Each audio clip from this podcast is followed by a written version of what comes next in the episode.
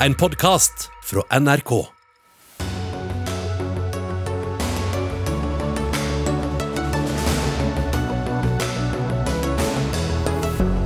Fra rødt til gult og tilbake til rødt. Det er forvirring om smittevernreglene på den videregående skolen. Og énmetersregelen den er umulig å overholde, sier en Nøtterøy-lektor. Stemmene fra Georgia skal telles på nytt i USA-valget. Samtidig skifter Donald Trump ut ledelsen i Pentagon. For å minske ulykkesrisikoen til sjøs bør vi snakke engelsk i de mest utsatte områdene, mener Kystverket. Men Losforbundet protesterer, mener vi kommuniserer best på vårt eget språk. Og den norske bokbransjen er på vei inn i en ny metoo-runde. Vi har ikke tatt seksuell trakassering på alvor, slår Forleggerforeningen fast.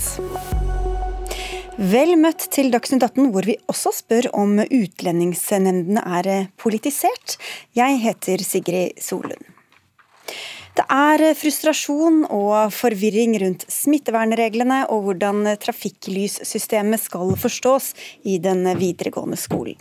Først skjønte flere fylker det slik at elever på videregående skole måtte få hjemmeundervisning fra og med denne uka.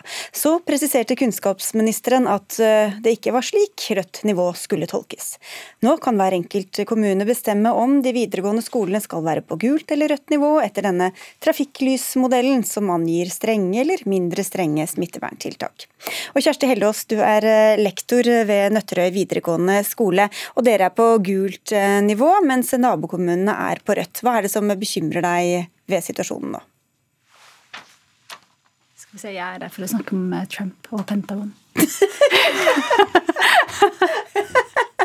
Det, nå, dette jo, lukter jo video på YouTube eller et eller annet sånt. Vi ser at vi har en, en, en lektor her som, som, vi kan få inn. Jeg lurer på om vi har en stående utenfor her nå, ja, så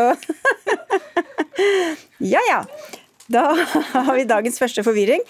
Nå, Jeg eh, kan bare gjenta kort at jeg har sagt at det er eh, en viss forvirring, ikke bare her i studio, men også der ute, om eh, hva denne trafikklysregelen eller modellen også innebærer rundt omkring i de videregående skolene. Og Da har vi fått riktig person på plass her. Kjersti Hellås, du er lektor altså ved Nøtterøy videregående skole. Og Dere er på gult nivå, og nabokommunene er på rødt. Hva er det som bekymrer deg ved situasjonen nå? Det som bekymrer meg mest, er jo det at vi har en situasjon i videregående skole i dag som, som, som eh, ikke Vi klarer ikke å overholde de smittevernreglene vi har blitt bedt om å overholde. Så, eh, sånn som situasjonen er nå, så opplever vi som jobber i videregående skole at vi har en nærmest normal hverdag i skolen. Det er eh, Elevene sitter tett i klasserommet, som jo smittevernveilederen sier at de skal. De går tett i korridorene og i gangene. Og sitter på fanget til hverandre, deler litt mat, sånn som de pleier å gjøre. Og Vi har sprit over hele skolen, og vi forsøker å gi beskjed til elevene om at de skal uh, uh, ja, overholde de reglene vi har. Men vi får ikke det til. Så, så, det at noen har gult nivå og andre har rødt nivå, hva innebærer det egentlig i praksis? da? Eh, I praksis så innebærer det at i rødt nivå, da skal skolen da kan vi dele oss opp litt mer og ha en, eh, en skole hvor vi eh, har noen elever på skolen av gangen. Der hvor jeg jobber, så gjorde vi jo det, eller vi gjorde jo det i våres. Og der hvor jeg jobber, så hadde vi eh, ett trinn om gangen på skolen når vi, når vi underviste på skolen. Og de andre var hjemme, på, og vi underviste i Teams. Mm. Og det eh, syns vi fungerte veldig godt. Da ivaretok vi det sosiale behovet elevene hadde, ved at de fikk møte hverandre på skolen med jevne mellomrom. Og vi eh, ivaretok undervisningen og, og, elevenes læring ved at vi fikk fulgt dem opp tett både gjennom Teams, hvor vi fulgte timeplanen og, og gjorde, gjorde skolehverdagen så normal som mulig. Men at vi også da hadde Eh, hadde avstand. Elevene satt i flere klasserom, det var bedre plass på skolen. Ikke minst bedre plass på bussen. Ikke sant? For elevene sier jo til meg at de opplever at det å ta bussen til skolen, det gjør at de de, de, det er ikke plass, det er fulle busser. Og hos oss da, så, så er det sånn at Færder kommune eh, nå ble gul igjen. da, Vi ble rød, eh, såkalt, på, på fredag. Fordi det har vært en økende smitte i, i kommunen. men også i Tønsberg kommune, som er nabokommunen til Færder. Og, og, Der er det økende smitte, og der er det fortsatt rødt nivå på videregående skole. Mens hos oss så er det gult.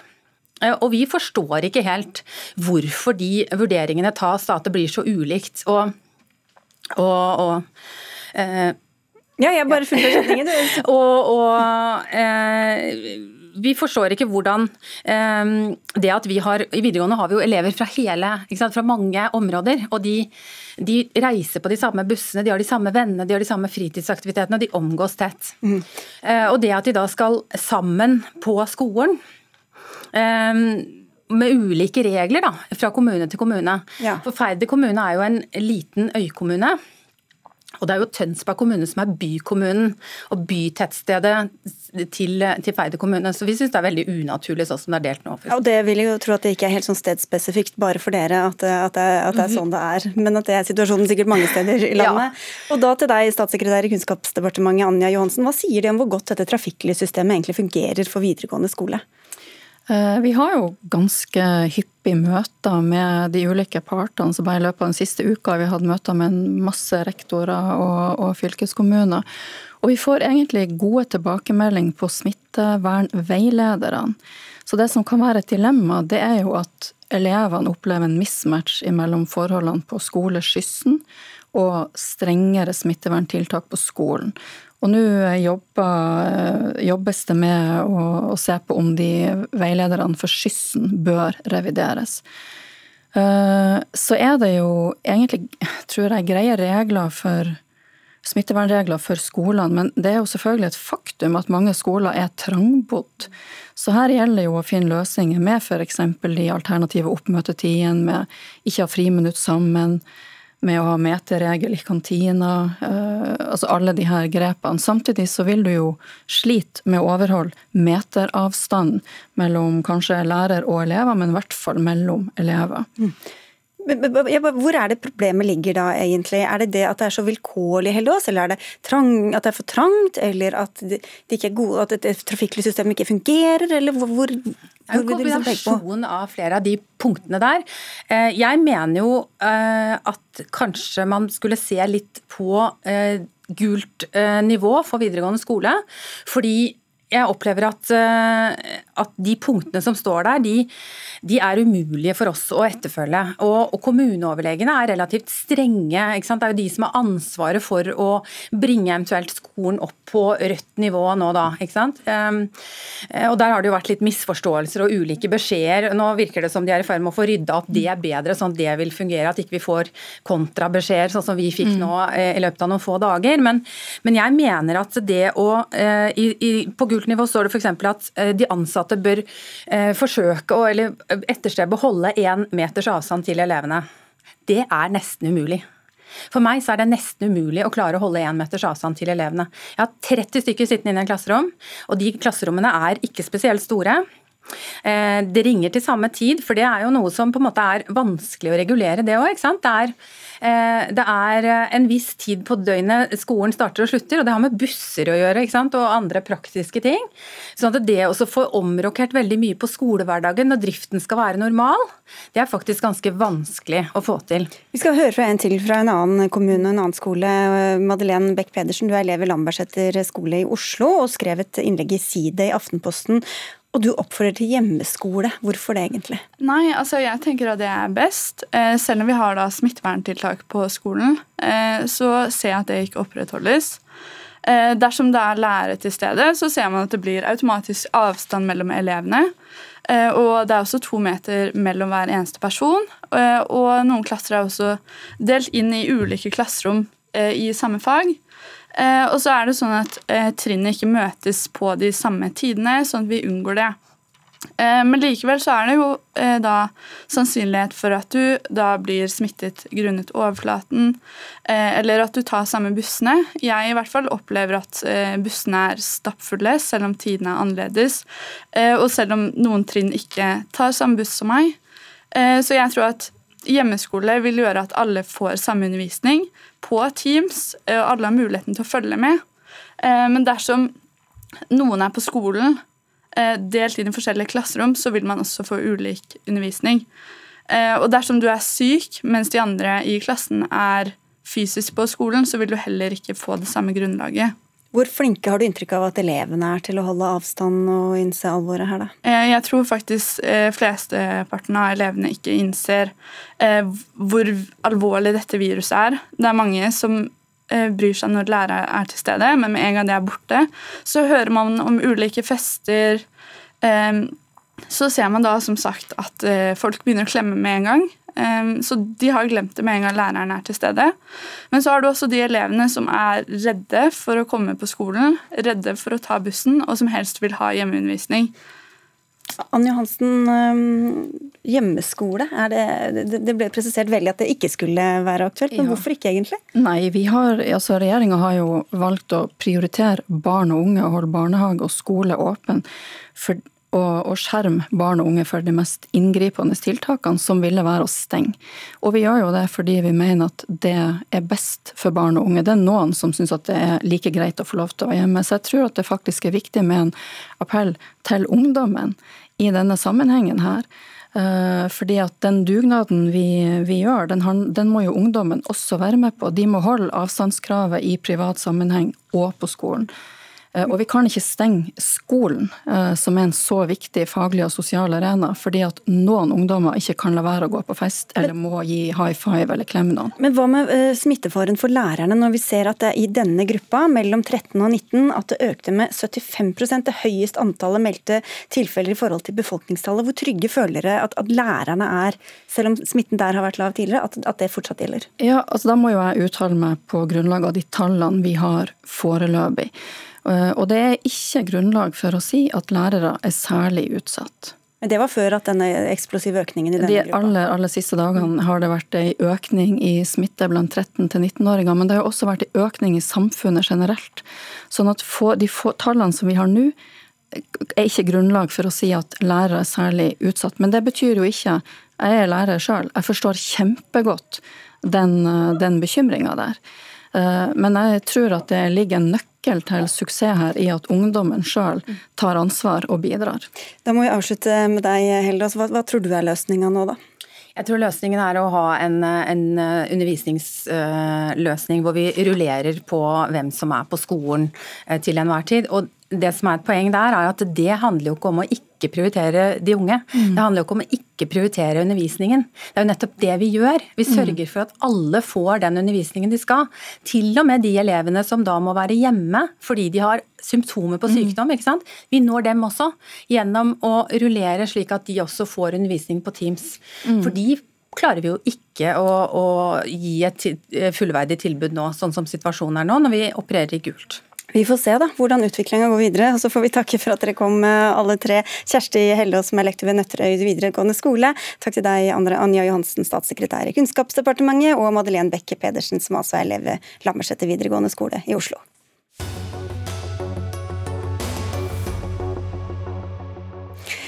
I USA kommer president Donald Trump og hans lojale medarbeidere stadig med nye utspill som skaper undring og til dels eh, frykt for hva som kan skje. Det er det ene søksmålet etter det andre.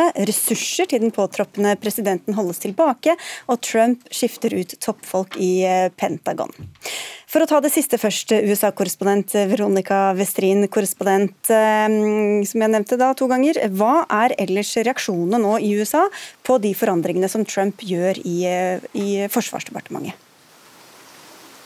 Det er mange som reagerer på dette, og kritikere har jo allerede vært på banen og stilt spørsmålstegn med hvorfor dette skjer så tett opp mot at en ny president eh, overtar, og eh, mener jo at eh, det ville vært naturlig at Trump-administrasjonen samarbeidet med overgangsteamet til Joe Biden, som ennå ikke formelt er etablert, på dette spørsmålet. I tillegg så er det jo mange som reagerer på at en av disse Statssekretæren eh, som er utnevnt, eh, har fremsatt en rekke konspirasjonsteorier tidligere. Eh, I tillegg til at mange lurer på om dette kan bety at Trump nå forbereder en uttrekkelse av styrken i Afghanistan før jul. For en time siden så kom det melding om at Georgia skal ha en full omtelling for hånd av stemmene i presidentvalget i delstaten, hvor Joe Biden leder nå med knappe 14 000 stemmer. Kan det ha noen betydning for utfallet dersom resultatet skulle bli et annet enn det det er nå? Georgia er ikke en stat som Biden er avhengig for å vinne presidentvalget, og som heller ikke vi har erklært han som vinner av. Um, så, og, og, dette er normal prosedyre i, i, USA, at man kan gjennomføre slike uh, omtellinger når resultatet er jevnt. Og uh, Det har jo også vært pressekonferanse der i dag hvor man har lagt vekt på at hver stemme skal telles, men at det ikke er noe som tyder på at det har foregått noe som helst valgfusk her. Men det som kanskje er mer interessant interessant med Georgia, eh, er jo eh, at eh, det bli, blir avgjørende for senatssammensetningen og hvem som får flertallet der. Nå trenger de republikanerne bare ett av de to setene som det antageligvis da skal stemmes over i januar, for å få makta i Senatet, noe som vil gjøre det vanskeligere for Biden å få gjennom sin politikk. Men apropos Biden, hvordan forholder han seg nå til all denne støyen? Det er jo kanskje det mest spennende akkurat nå. Altså, her har Trump-administrasjonen eh, ikke begynt et samarbeid med overgangsteamet til Joe Biden, den øverste ansvarlig for dette, som skal skrive under på de offisielle, offisielle dokumentene som er utnevnt av Trump, har nektet å gjøre det. Noe som gjør at eh, Bidens folk ikke har tilgang på informasjon som at de ikke får penger, som er vanlig å få, og kontorplasser. Så, og dette gjør det svært vanskelig for det arbeidet som de nå skal fortsette. Biden sjøl skal visstnok forholde seg til dette på en svært rolig måte og se på dette som forstyrrelser, men de snakker jo nå om at uh, blant folka rundt Biden så vurderer man nå å komme med søksmål for å få til en fortgang i denne prosessen prosessen. Takk skal du ha, Veronica Westrin. Valget er altså egentlig over, men fortsatt er alt omtrent like spennende. Anders Romerheim, du er amanuensis ved Institutt for forsvarsstudier. For å begynne med disse endringene i Forsvarsdepartementet, hva slags grep er det Trump egentlig tar her? Ja, eh, Det er veldig vanskelig å helt forstå og, og forklare. Eh, vi er inne i en veldig uoversiktlig periode i amerikansk politikk.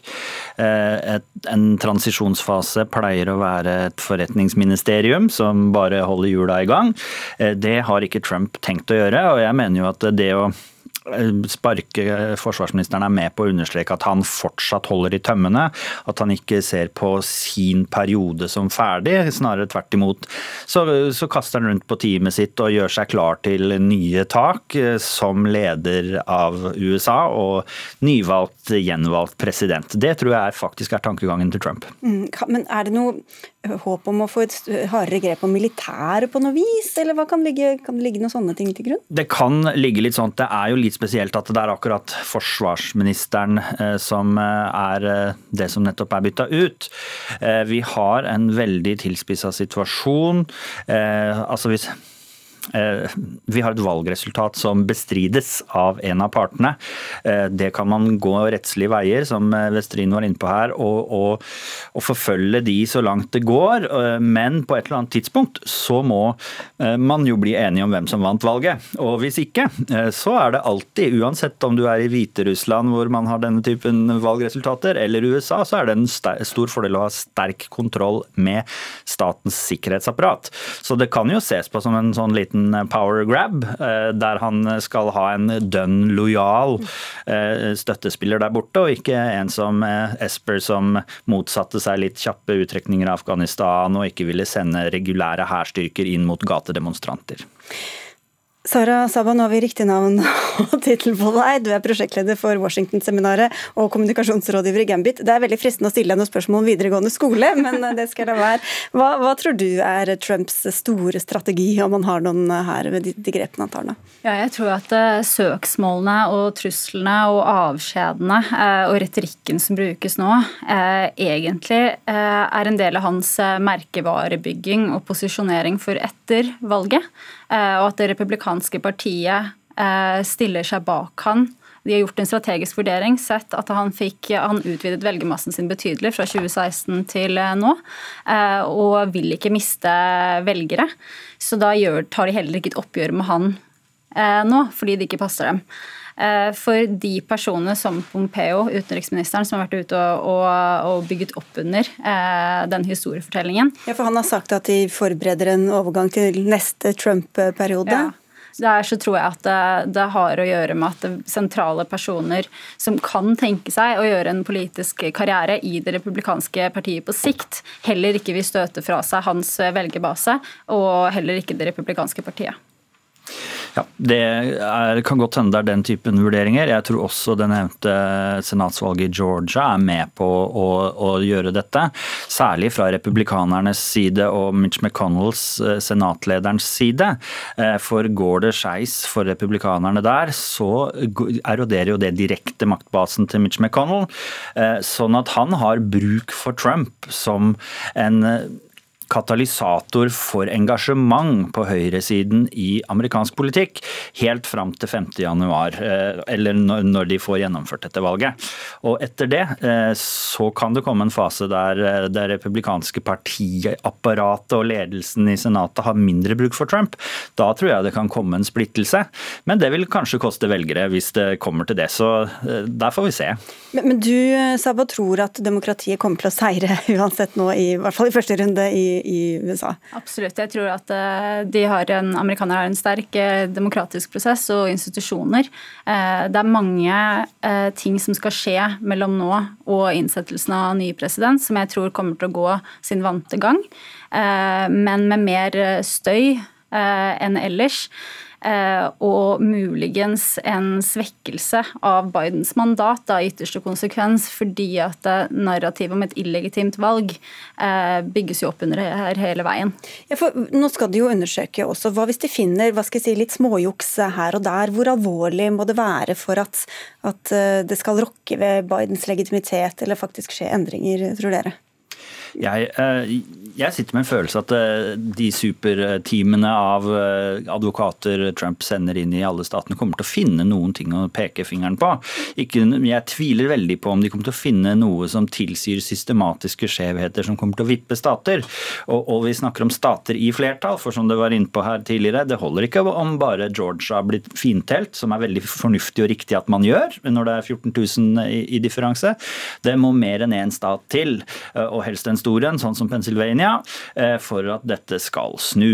Eh, så, så det ligger jo i bunnen her, da. Mm. Ja, og jeg tror heller ikke at de rettslige skrittene som nå er tatt, eh, kommer til å endre det, det endelige utfallet. Samtidig så får jo ikke Joe Biden tilgang til det han egentlig skal ha, av penger, informasjon osv. Hva tror du det gjør med hans forberedelser til, til å ta over presidentembetet? Eh, det forsinker han eh, litt, men eh, han viser seg likevel handlekraftig ved at han allerede har satt ned en sånn koronakommisjon. Han skal plukke ut regjeringsapparatet sitt nå, så han får litt positiv oppmerksomhet ved siden av likevel. Mm. I tillegg så Joe Biden er jo en usedvanlig rutinert politiker. Eh, han har, ledet, han har sittet i Senatet i 36 år eller noe sånt, og leda utenrikskomiteen der. Han har vært visepresident i åtte år, sånn at det, det ville jo vært mye verre for en uerfaren ikke-politiker som Trump, eller en annen hva skal vi si, litt mer fersking, å eh, ikke få etterretningsinformasjon og, og trene seg opp på særlig nasjonal sikkerhet, som ofte er det mange nye presidenter med. Det er et krevende felt, nasjonal sikkerhet og internasjonal politikk. Jeg har gleden av å jobbe mye med det. Eh, men det er et krevende felt, og særlig å styre hele det gigantiske nasjonale sikkerhetsapparatet i USA. Men hvordan tror du de mottar alt dette, da? Det er et godt spørsmål. Der, da kommer det som regel ikke noe klart svar. Nei, beklager det, men jeg tror det er mye bekymring. Når du ser, altså Man ser jo nå stadig meldinger om måten de har blitt marsjert ut på, nær sagt, av eh, Forsvarsdepartementet. At det, det, det, det har litt sånn utrenskningsundertoner, når egentlig normalen ville vært at man bare la inn årene og, og lot skipet eh, sige sakte videre i samme retning. Ja, så er det jo eh, noen som eh, tror, eller det er frykt for, kanskje, at eh, Trump nå prøver å fylle departementene med lojalister for å tvinge gjennom kontroversielle presidentordre eller annet. Og, og det kan jo, kan jo, skape frykt. Men det kan vel gjøres om på med en gang det blir det et, et skifte, da? Det stemmer. Hva, altså Hvis vi blir veldig dystre her, da, kan, vi, kan det liksom komme borgerkrigslignende situasjoner i, over på nyåret, eller hva? Altså, Eh, jeg tror jo at det skal gå bedre enn det verst tenkelige scenarioet, men jeg, jeg syns det er nesten uvirkelig å sitte og snakke om USA som et land der vi ikke kan utelukke eh, borgerkrigslignende tilstander, eh, der store mengder politiske motstandere braker sammen i rene gateslagsmål. Vi har hatt mye opptøyer på gatene i USA allerede i år, og frontene blir steilere og steilere. Og faktisk har Trumps retorikk nå, nå har han spilt mest golf, men hvis han tar fram den 'la oss nå gå ut og ta dette valget tilbake fysisk, gå mot delstatsforsamlinger, gå mot opptellingslokal Hvis han skulle finne på å si noe sånt, og jeg har fulgt med på Trump lenge, det er ikke helt utenkelig når du ser hvor mye annet rart han har sagt. Hvis Trump begynner å, å, å steppe opp den retorikken der, da da, da, tør jeg ikke utelukke noe dystert scenario, faktisk. Men vil han fortsatt ha støtte fra det republikanske partiet? Det er vanskelig å si. Det kan jeg egentlig ikke se for meg. Men han kommer i hvert fall ikke til å ha eh, støtte fra eh, militæret og departementene og på en måte institusjonene. Så vi, vi, får, vi, får, lulle oss inn i det. Takk skal dere ha. Vi må avslutte der. Anders Romarheim, amanuensis ved Institutt for forsvarsstudier, og riktig navn på deg, da, Sara Saba, prosjektleder ved Washington-seminaret og kommunikasjonsrådgiver i Gambit.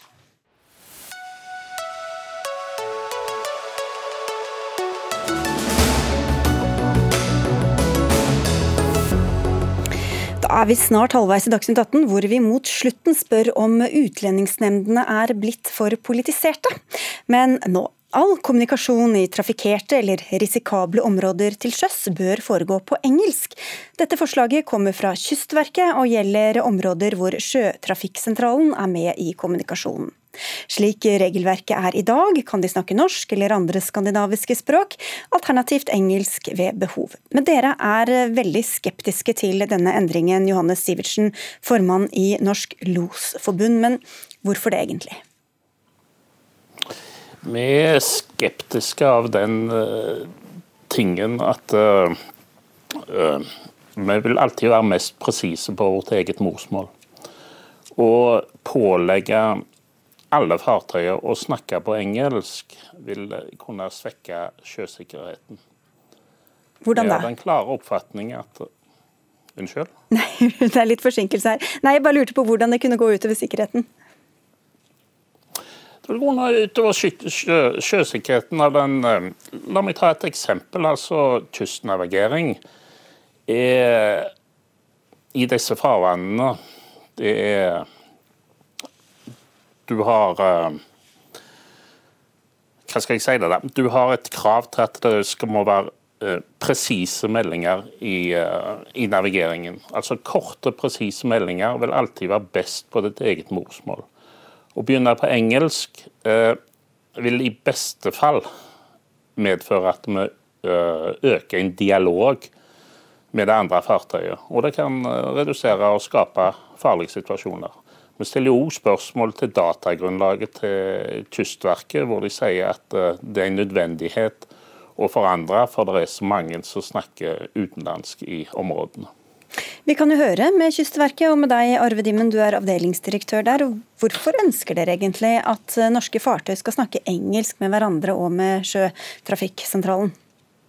Ja, utgangspunktet er at vi har sett de senere år at andelen av utenlandske statsborgere er blitt veldig stor når det gjelder skipsførere og navigatører i norske farvann. Den er faktisk oppe i tre fjerdedeler nå av alle anløp, det er utenlandske statsborgere. Det betyr at de sannsynligvis ikke kan norsk, men eh, de skal kunne engelsk. Det er et krav. Eh, for å ha sertifikat til å føre den type skip, så må en kunne engelsk på et eh, bra nivå. Og det som er med Kommunikasjonen som foregår på Sjøtrafikksentralen sine arbeidskanaler, at den er veldig viktig for sjøsikkerheten. Ikke bare mellom de to som kommuniserer, men også for de andre som er i området. Slik at Det er veldig viktig at er andre enn akkurat den som i en ende av kommunikasjonen forstår hva som blir sagt. Ja, for, jeg vil ta det videre til deg, Sivertsen. for da, Det kan jo være andre enn de, bare akkurat de som kommunikasjonen går mellom, som har nytte av å plukke opp denne informasjonen. Hva da, når den foregår på et språk de ikke forstår? Nå er det noe sånt at uh, Sjøtrafikksentralene kommuniserer ikke på den måten. De kommuniserer på, uh, med kommunikasjon til det enkelte fartøy. Og de tar kontakt med de fartøyene som er involverte, og kommuniserer på det språk som de ønsker. Altså på skandinavisk på en skandinavisk talende båt, og engelsk på en engelsktalende båt. Den, på den måten sørger de for at alle forstår. Ja, Dimmen? Vi har sett flere eksempler på at dette med informasjon her det er veldig viktig. og Det det handler om det er at en skal bygge opp et felles situasjonsbilde. Og Da må en ha informasjon som kanskje ikke direkte er retta mot en, men en må forstå andres intensjoner. Eh, og Så må en også avtale både Eh, passering og møter og sånne ting. Men det er også viktig å få vite når andre går fra kai og går fra ankers osv. Men alle skal forstå, men hvor presis blir da den informasjonen og kommunikasjonen hvis man skal foreta den på et språk som man kanskje ikke behersker like godt som i hvert fall sitt eget morsmål, og kanskje i en veldig stressende situasjon også? Ja, Vi tror at den blir minst like presis hvis du ser på alle aktører som er i et område. Det kan godt hende at vi som snakker norsk er mer presise i forhold til hverandre. Men vi tror at gevinsten ved at alle får den informasjonen er større enn de eventuelle ulempene det måtte medføre. Sivertsen? Ja, altså det Arve refererer til at opptil to tredjedeler av fartøyene er engelskspråklige. Eh, etter dette ble sendt ut på høring, så har vi gjort en del eh, undersøkelser sjøl, bl.a. på, på Feie trafikksentral. Over 20 vakter har de loggført all kommunikasjon med andre fartøyer. og Det viser seg at faktisk 85 av, fart, av kommunikasjon foregår på norsk-skandinavisk. Dvs. Si at det kun 15% foregår på engelsk. Eh, da mener altså Kystverket at du vil bedre sikkerheten med å si at 100% av de seilerne skal få sin informasjon på et annet språk enn morsmålet, mot i dag der kun 15% får informasjon på et annet språk enn morsmålet, så er engelsk. Hvor er logikken der, Arve Dimmen? Nei, det her stemmer jo ikke med våre tall. Når det gjelder totalen, så er det rundt uh, tre fjerdedeler. Sånn som vi Men kanskje dere kunne differensiert litt? da, At der hvor det er veldig mange utlendinger, så kan man snakke engelsk, og ellers så kan man snakke norsk? Så, men litt av poenget er at Hvis du snakker norsk, så fratar du en del muligheter for å forstå hva som blir sagt. Hvis du snakker engelsk, så skal alle impliserte forstå det. Det er et krav til å ha den type sertifikat, og skal du kunne engelsk godt nok til dette. her. Og Vi er ikke bekymra for engelskkunnskapene til de norske sjøfolka. Jeg får bare plukke opp det til slutt her, Jonne Sivertsen. Hvis sikkerheten blir dårligere av at dere må snakke engelsk, hvor trygt er det da når dere faktisk er nødt til å kommunisere med utenlandske fartøy? Det er ingen problem, det er ikke det jeg er bekymra for. Det er Losene har Nå kan jeg snakke for losene. Losene eh, har engelsk som sitt arbeidsspråk. Det. det går helt fint. Men hvis du skal gå på Kystverkets egne tall, så har Feie trafikksentral 91 000 passeringer i, eh, i 2019. Av de sjøl sier de at det da ca. 25 000 er såkalte Safe Seanet-meldinger, der da 73% av de igjen er utenlandske kapteiner. Og da tar du med danskeferja, så går det to ganger til dagen hele året. Du har eh, svenske, danske, færøyske skippere som òg kommuniserer på skandinavisk. Og da er du òg, selv med Kystverkets egne tall, så er du nede i 80 vi får ta det videre. Nå skal det... vi skal snakke engelsk. Vi får se om dere får med dere et flertall når det skal ut på, på høring. Vi sier takk til dere begge, Johanne Sivertsen, formann i Norsk Losforbund, og Arve Dimmen, eh, som altså er eh, avdelingsdirektør i Kystverket.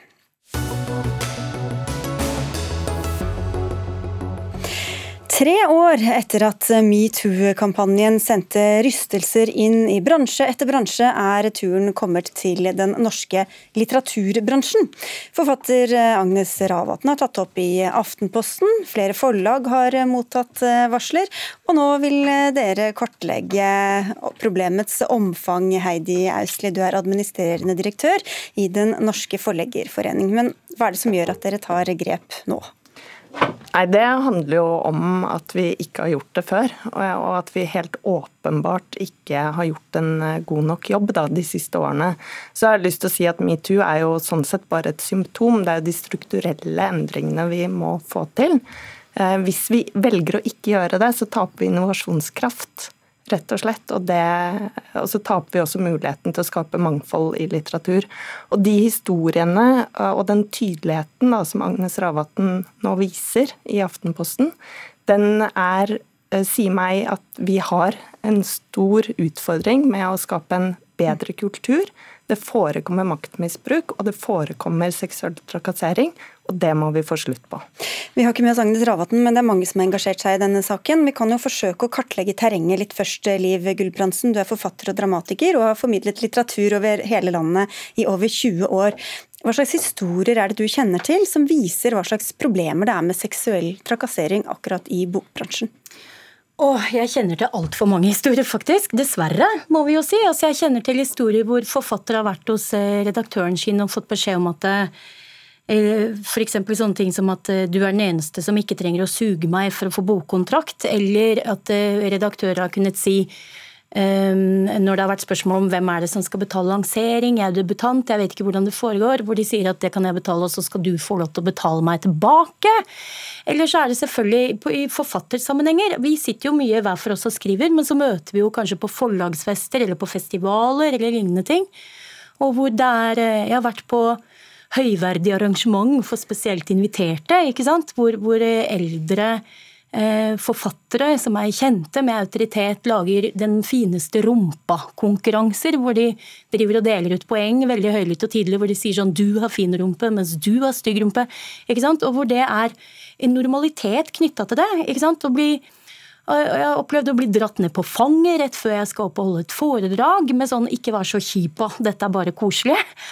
Og, så jeg tenker at det, eh, normaliteten rundt og romantiseringa rundt at, uh, i, at, dette på en måte er en slags sånn akseptabel måte å oppføre seg på, det tror jeg vi er veldig ramma av. Ja, jeg forklarer litt hvordan dette er blitt bortforklart og bagatellisert. Hva som er nettopp ved denne bransjen her som gjør at det ikke blitt tatt sånn, blitt tatt på alvor, i hvert fall. da. Jeg tror, sammen, jeg tror, det er mange ting som sammenhenger. Det ene er jo at forfattere sjøl lever jo sånn som Magnus Ravatn beskriver, veldig veldig presist. Altså fra bokkontrakt til bokkontrakt. Så du er jo på en måte ikke ansatt noe sted. og Det er avgjørelsen om, om du har, får betalt for arbeidet ditt, som du kanskje har jobba med over et år eller flere. ikke sant? Det avgjøres i et, et lukka rom, og gjerne basert på skjønn.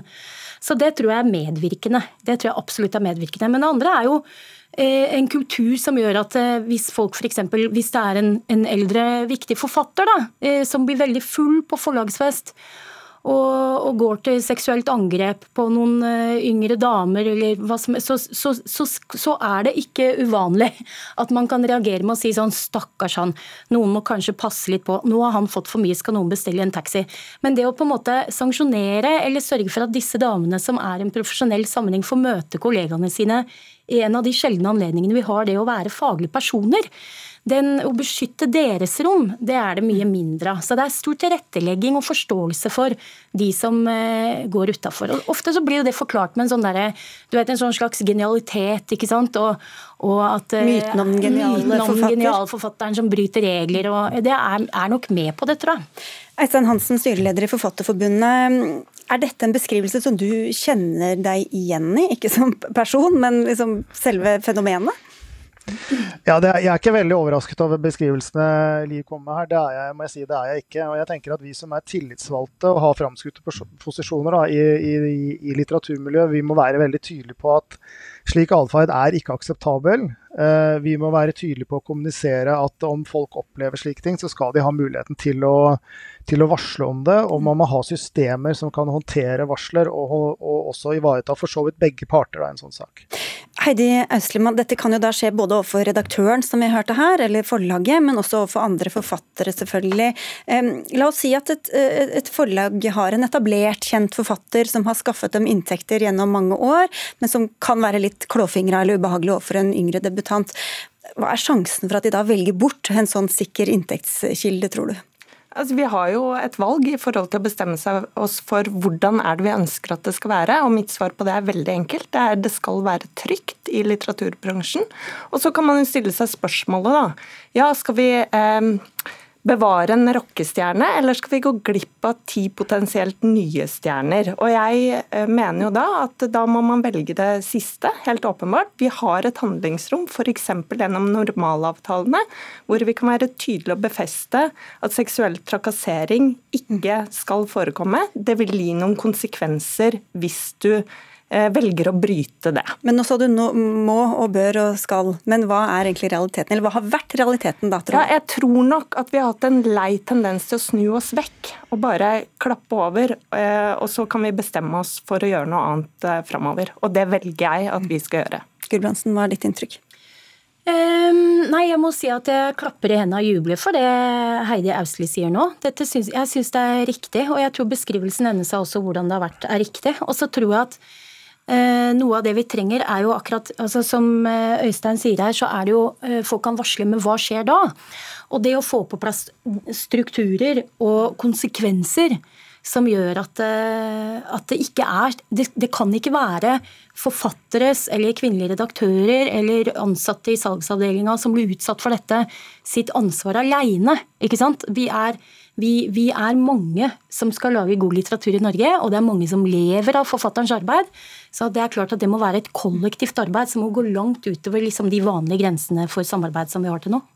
Hansen, du, fra Forfatterforbundet så skal jo dere egentlig ha Dere kan jo i deres rekker ha folk som både har utnyttet posisjonen og folk som er blitt utnyttet eller trakassert. Hvordan velger dere hvem dere skal tro på, hvem dere skal ta parti med, så å si?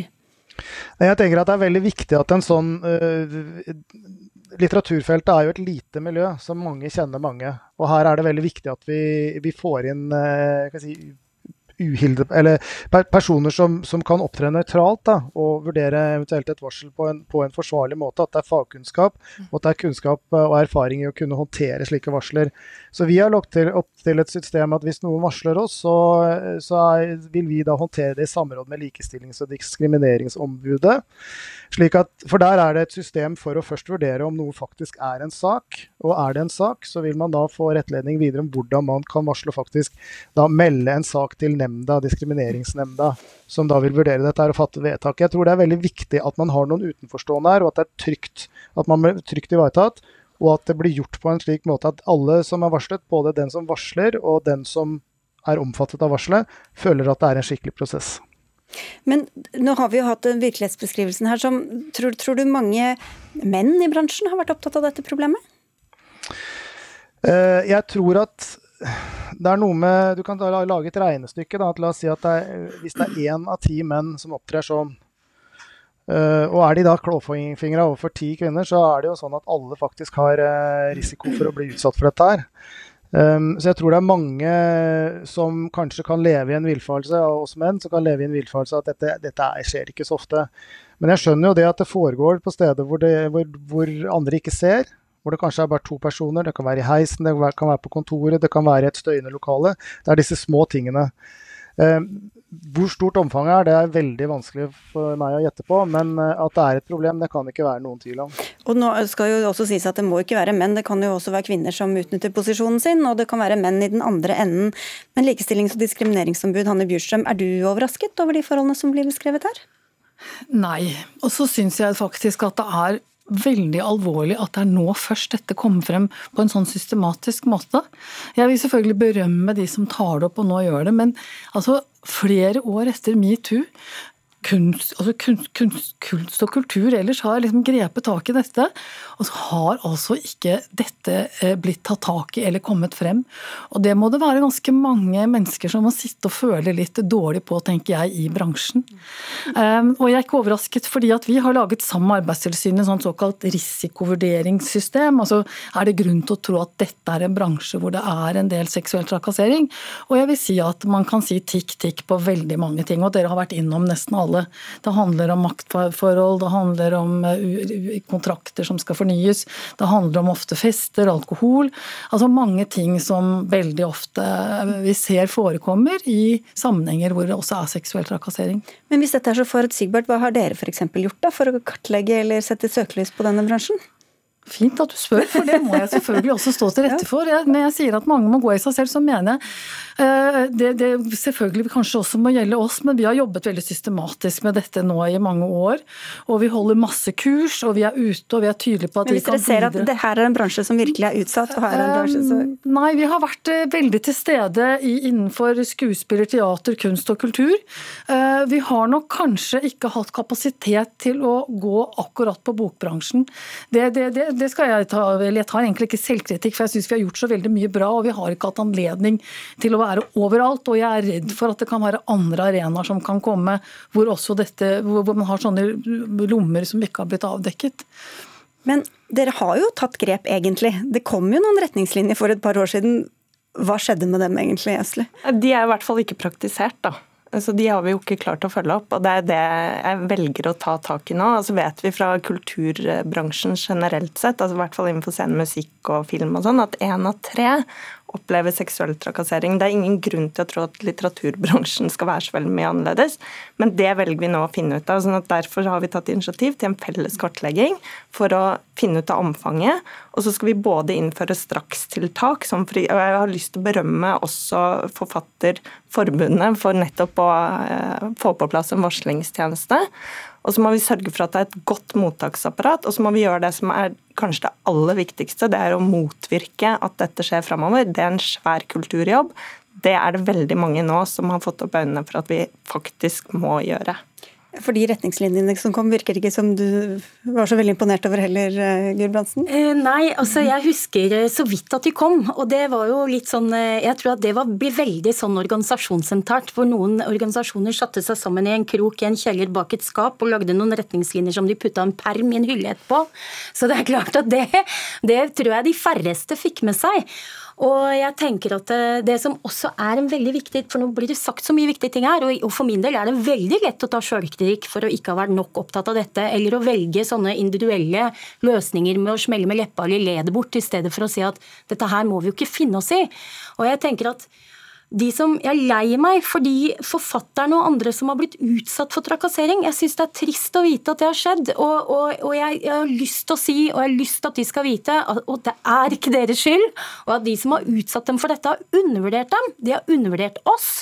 Og vi finner oss ikke i det, og sånn skal vi ikke ha det. Forfattere og kvinnelige bokarbeidere og forfattere skal ha det ålreit i Norge. Men hva slags sanksjoner skal man La oss si at en forfatter sender en slibrig melding til en eller annen på et samme forlag eller et annet forslag. Skal han miste kontrakten av den grunn, eller hvor skal den grensa gå? Poenget er jo at hvis vi eh, legger dette inn f.eks. i normalavtalene, da, så har vi lagt premissene på forhånd. Og Det betyr at et kontraktsbrudd da, mellom et forlag og en forfatter, det kan da få den konsekvensen, og bør kanskje også få det, at du kan miste den kontrakten din. da. Er det, er det lov, Anne Bjørsson, å si at hvis du, hvis du liksom sender en seksualisert melding, så skal du miste bokkontrakten? Men det er jo ikke lov å, å holde altså, på med seksuell trakassering. Det som er Poenget er at seksuell trakassering er forbudt, og det følger av likestillings- og diskrimineringslovens paragraf 13. Eh, og det er klart at eh, Man må jo først stadfeste at det faktisk har skjedd, og jeg er veldig glad for å høre at man er opptatt av å ha gode varslingssystemer, ha kontradiksjon, at det er på en måte systemer for det. Men jeg tror at det er den veien som dere nå legger opp til man må gå, at man må legge, lage noen veldig klare føringer som følger med kontrakten, med noen standarder. Dette vet man, dette vet man, det er det du må holde deg til. og det burde ikke være så veldig vanskelig. At man ikke sender slibrige kommentarer, det er jo eh, rimelig greit at man ikke gjør det. Hva som skal til for å bryte en kontrakt, det skal ikke jeg uttale meg om, for det er mer et sånn kontraktsrettslig tema som forlagsbransjen må, eller som dere må, må diskutere selv.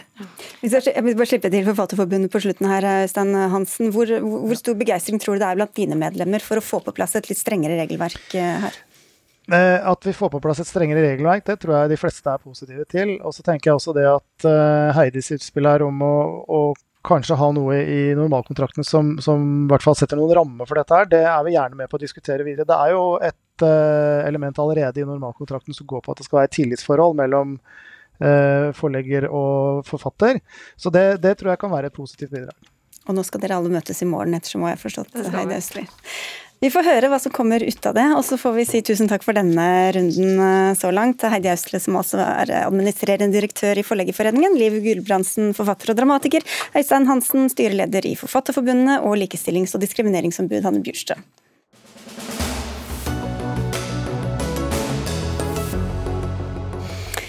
Utlendingsnemndene har fått nye medlemmer. Lista kom før helgen. De neste fire årene kan disse personene bli kalt inn for å avgjøre om en asylsøker får asyl i Norge eller ikke.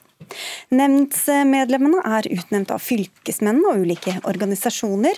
På lista over de nye medlemmene finner vi både skribenter på innvandringskritiske nettsteder som dokument.no eller Resett, og folk fra Antirasistisk Senter og Refugees Welcome to Norway, samt politikere fra flere partier. Det skriver Klassekampen. Så folk fra alle sider av spekteret, Karin Andersen fra SV, men du misliker systemet. Hvorfor det? Mm. Nei, Det er jo for at uh, UNE skal jo være en klageinstans, altså en rettsinstans. Uh, og de sakene de behandler kan jo faktisk handle om livet for folk. Og da kan vi ikke risikere at det blir en slags kamparena for eh, politiske synspunkter. Vi er jo vant med liksom å ha et legsystem i retten ellers, men det er, det er, lite politisk diskusjon i Norge om det skal være lov å stjele eller å slå i hjel folk eller å kjøre for fort med bil.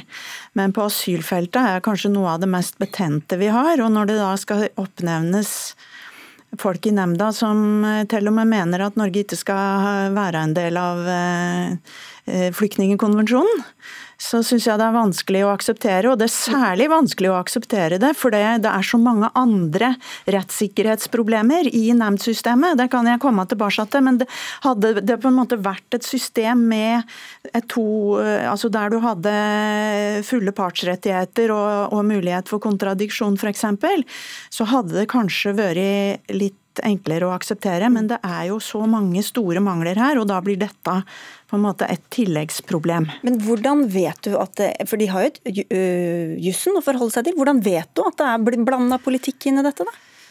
Nei, eh, det er i hvert fall eh, mye kritiske eh, synspunkter på dette som har kommet opp gjennom åra. Og her har det jo vært store utredninger òg, bl.a. Graver-utvalget, som har påpekt disse rettssikkerhetsproblemene. Og NOAS, som driver rettshjelp, har jo påpekt også disse problemene veldig mange ganger. Og jeg mener at det er Men vi vet ikke om det har skjedd, faktisk. Mener, så dette handler om at jeg mener det, og SV mener det er prinsipielt prinsipielt feil at vi skal ha dette systemet. Vi ønsker endringer i systemet, og vi mener at man ikke skal oppnevne eh, de som har de sterkeste ytterliggående synspunktene inn som nemndmedlemmer. Da tar vi tak i det prinsippet Ove Trellevik fra Høyre. Hvorfor skal akkurat organisasjoner politisk, altså hvorfor skal dette være oppnevnt på den måten? Det er fordi at eh, man skal styrke rettssikkerheten. Før så var det regjeringen som utnevnte, eh, men nå er det på en måte at, eh, at interesseorganisasjonene sine anbefalinger, og fylkesmennene og samfunnsviterne.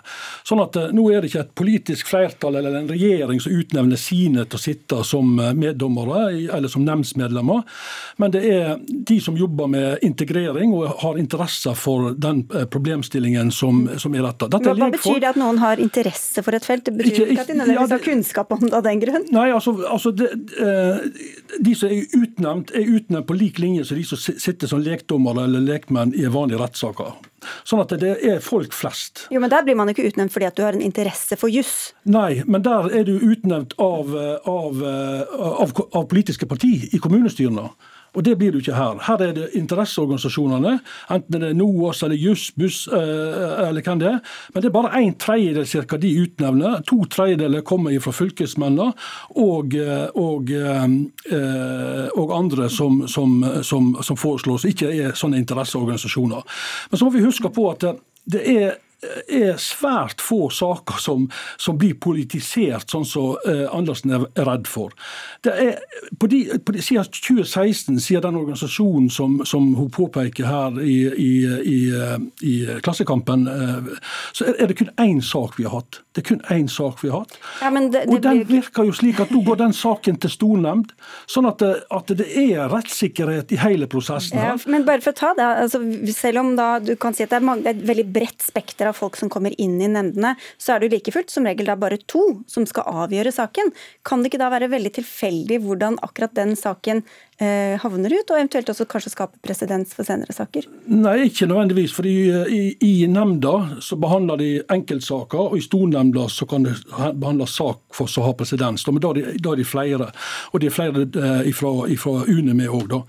Men altså, det er jo slik at det er Eh, når jussen kommer til kort, eh, på en måte, og der det er en balanse mellom er det sånn eller sånn det skal fortolkes, så, så er det sant, Hvor strengt skal en, en lov tolkes opp mot f.eks. et menneske som har et, eh, er syk, f.eks., og hva er et humanitært grunnlag? Altså, De kan jo ikke gå på bekostning av rettsreglene her. Det er ikke rettsreglene de skal på en måte eh, eh, gå på akkord med. For jussen kan ikke de nemndsmedlemmene overprøve i hele tatt. Så det er jo det folkelige skjønnet vi skal bidra med. Ja, ja, ja, Men i disse sakene så kan jo på en måte Det folkelige skjønnet er jo nå veldig, veldig spisst politisert i Norge på disse sakene. Og det andre er at disse sakene handler om forhold som de fleste av oss har veldig lite kjennskap til, nemlig eh, risikoen i de landene som folk flykter fra. Altså Det er helt avhengig av at du har kunnskap om det. Er ikke det utredet allerede? Jo, men du må jo vurdere det. For det er helt riktig at noen, noe av dette baserer seg jo på skjønn, på om man tror på vedkommende, om man, eh, hvordan man vurderer denne risikoen. Og det som er, jeg syns burde eh, virkelig bekymre Høyre, var at når saker som det er tvil om, blir tatt til retten, så vinner man fram i veldig mange av disse sakene. Og Det betyr at det gjøres altfor mange feil i dette systemet. Og, der, og da jeg, jeg, vil gjerne utfordre Høyre litt på det. Fordi SV og Høyre har hatt en lang tradisjon på at vi har vært opp, veldig opptatt av rettsstat. Og nå har vi hatt en Nav-skandale som viser at det er eh, mangel på rettssikkerhet for eh, mange av de som er vanskeligstilte. Dette er kanskje folk som er enda lavere på rangstigen. Og nå er vi nødt til å få sett på hele dette systemet, for det er ikke rettssikkert nok. Trellevik få svare ja, på rettssikkerheten her, da, hvis det, hvis det viser seg at mange av sakene også blir omgjort når de først kommer til retten? Det er ikke så veldig mange saker som går til retten. Det er 10 000 saker som går til UNE, og det er bare 320 saker som havner i nemnd. Men det, noen, det, har gått noen til rettssak, og det har gått noen til Høyesterett. Og Det viser jo om at rettssikkerheten faktisk virker. Du kan, Er du enig, så kan du ta det til domstolene, og du kan ta det egentlig helt til Høyesterett. Men hun snakker om at eh, systemet ikke virker. Graver-utvalget som hun henviste til, de så heller ikke at de skulle ha en domstol til å behandle disse sakene her. Og de så heller ikke at vi skulle ha en særdomstol domstol eller en fagdomstol for å behandle disse sakene. her. De mente at vi kunne kanskje bli litt bedre på å dokumentere hvordan prosessen hadde vært, og hvilken, eh, ja, hvordan grunnlaget for vedtak jeg, jeg vil bare høre hva som er alternativet, Karin Andersen, uten at man endrer hele systemet. Hvem er det som skal sitte i disse nemndene? Det er f.eks. å innføre en topartsprosess. Der du får lov til å møte opp. Det eh, sa Graver-utvalget var veldig viktig. Men Hvem er det som skal sitte og bestemme? Hvem er det som skal være i nemndene? Eh, vi mener at hvis man skal ha legmedlemmer der, så må, kan ikke de oppnevnes av organisasjonene. må vi gjøre på samme måte som vi oppnevner altså de som ikke på en måte er tilknytta eh, den tøffeste diskusjonen rundt asylspørsmål. Og så, vi, og så er vi nødt til å se på rettssikkerheten eh, med en topartsprosess og muligheter til kontradiksjon. Og Det er kjempeviktig, fordi det mange også opplever nå, er jo at de kan bli presentert for nye begrunnelser for avslag som de ikke har mulighet til å svare på. I UDI kan de ha gitt avslag på, grunn, på ett grunnlag, i UNE kan de møte et helt annet avslagsgrunnlag, som de ikke har fått mulighet til å svare på. Ove Trellevik, hvorfor kan man ikke heller bare rett og slett utnevne folk som kan noe om feltet? Mm. Det er jo akkurat det eh, som er poenget her, at eh, svært mange av disse kan noe om feltet. og Det er derfor disse ulike interesseorganisasjonene har pekt på disse menneskene, for de kan noe om feltet. Eller fordi de er, mener ting enten på den ene eller andre siden? Eh, ikke nødvendigvis, men de representerer altså ikke andre. De, de representerer kun seg sjøl. Du har altså ikke muligheten til å vektlegge egen tro, sympati, antipati, religiøs tro eller andre ting kan altså ikke vektlegges. Men det vi burde kunne bli enige om, det, det vi burde kunne bli enige om var at vi satte krav til kompetanse, og at vi satte krav til opplæring av de som skal sitte der. SV viser her at de har 320 stykker som er oppnevnt, og de har altså ikke tillit til at de kommer til å gjøre Dere, jobben sin. Vi må avslutte. Takk skal dere ha begge to. Karin Andersen fra SV, Ove Trellevik fra Høyre. Og vi takker også oss selv, holdt jeg på å si. Anne Katrine Førli, Frode Thorshaug og meg, Sigrid Solund. Takk i hvert fall for oss.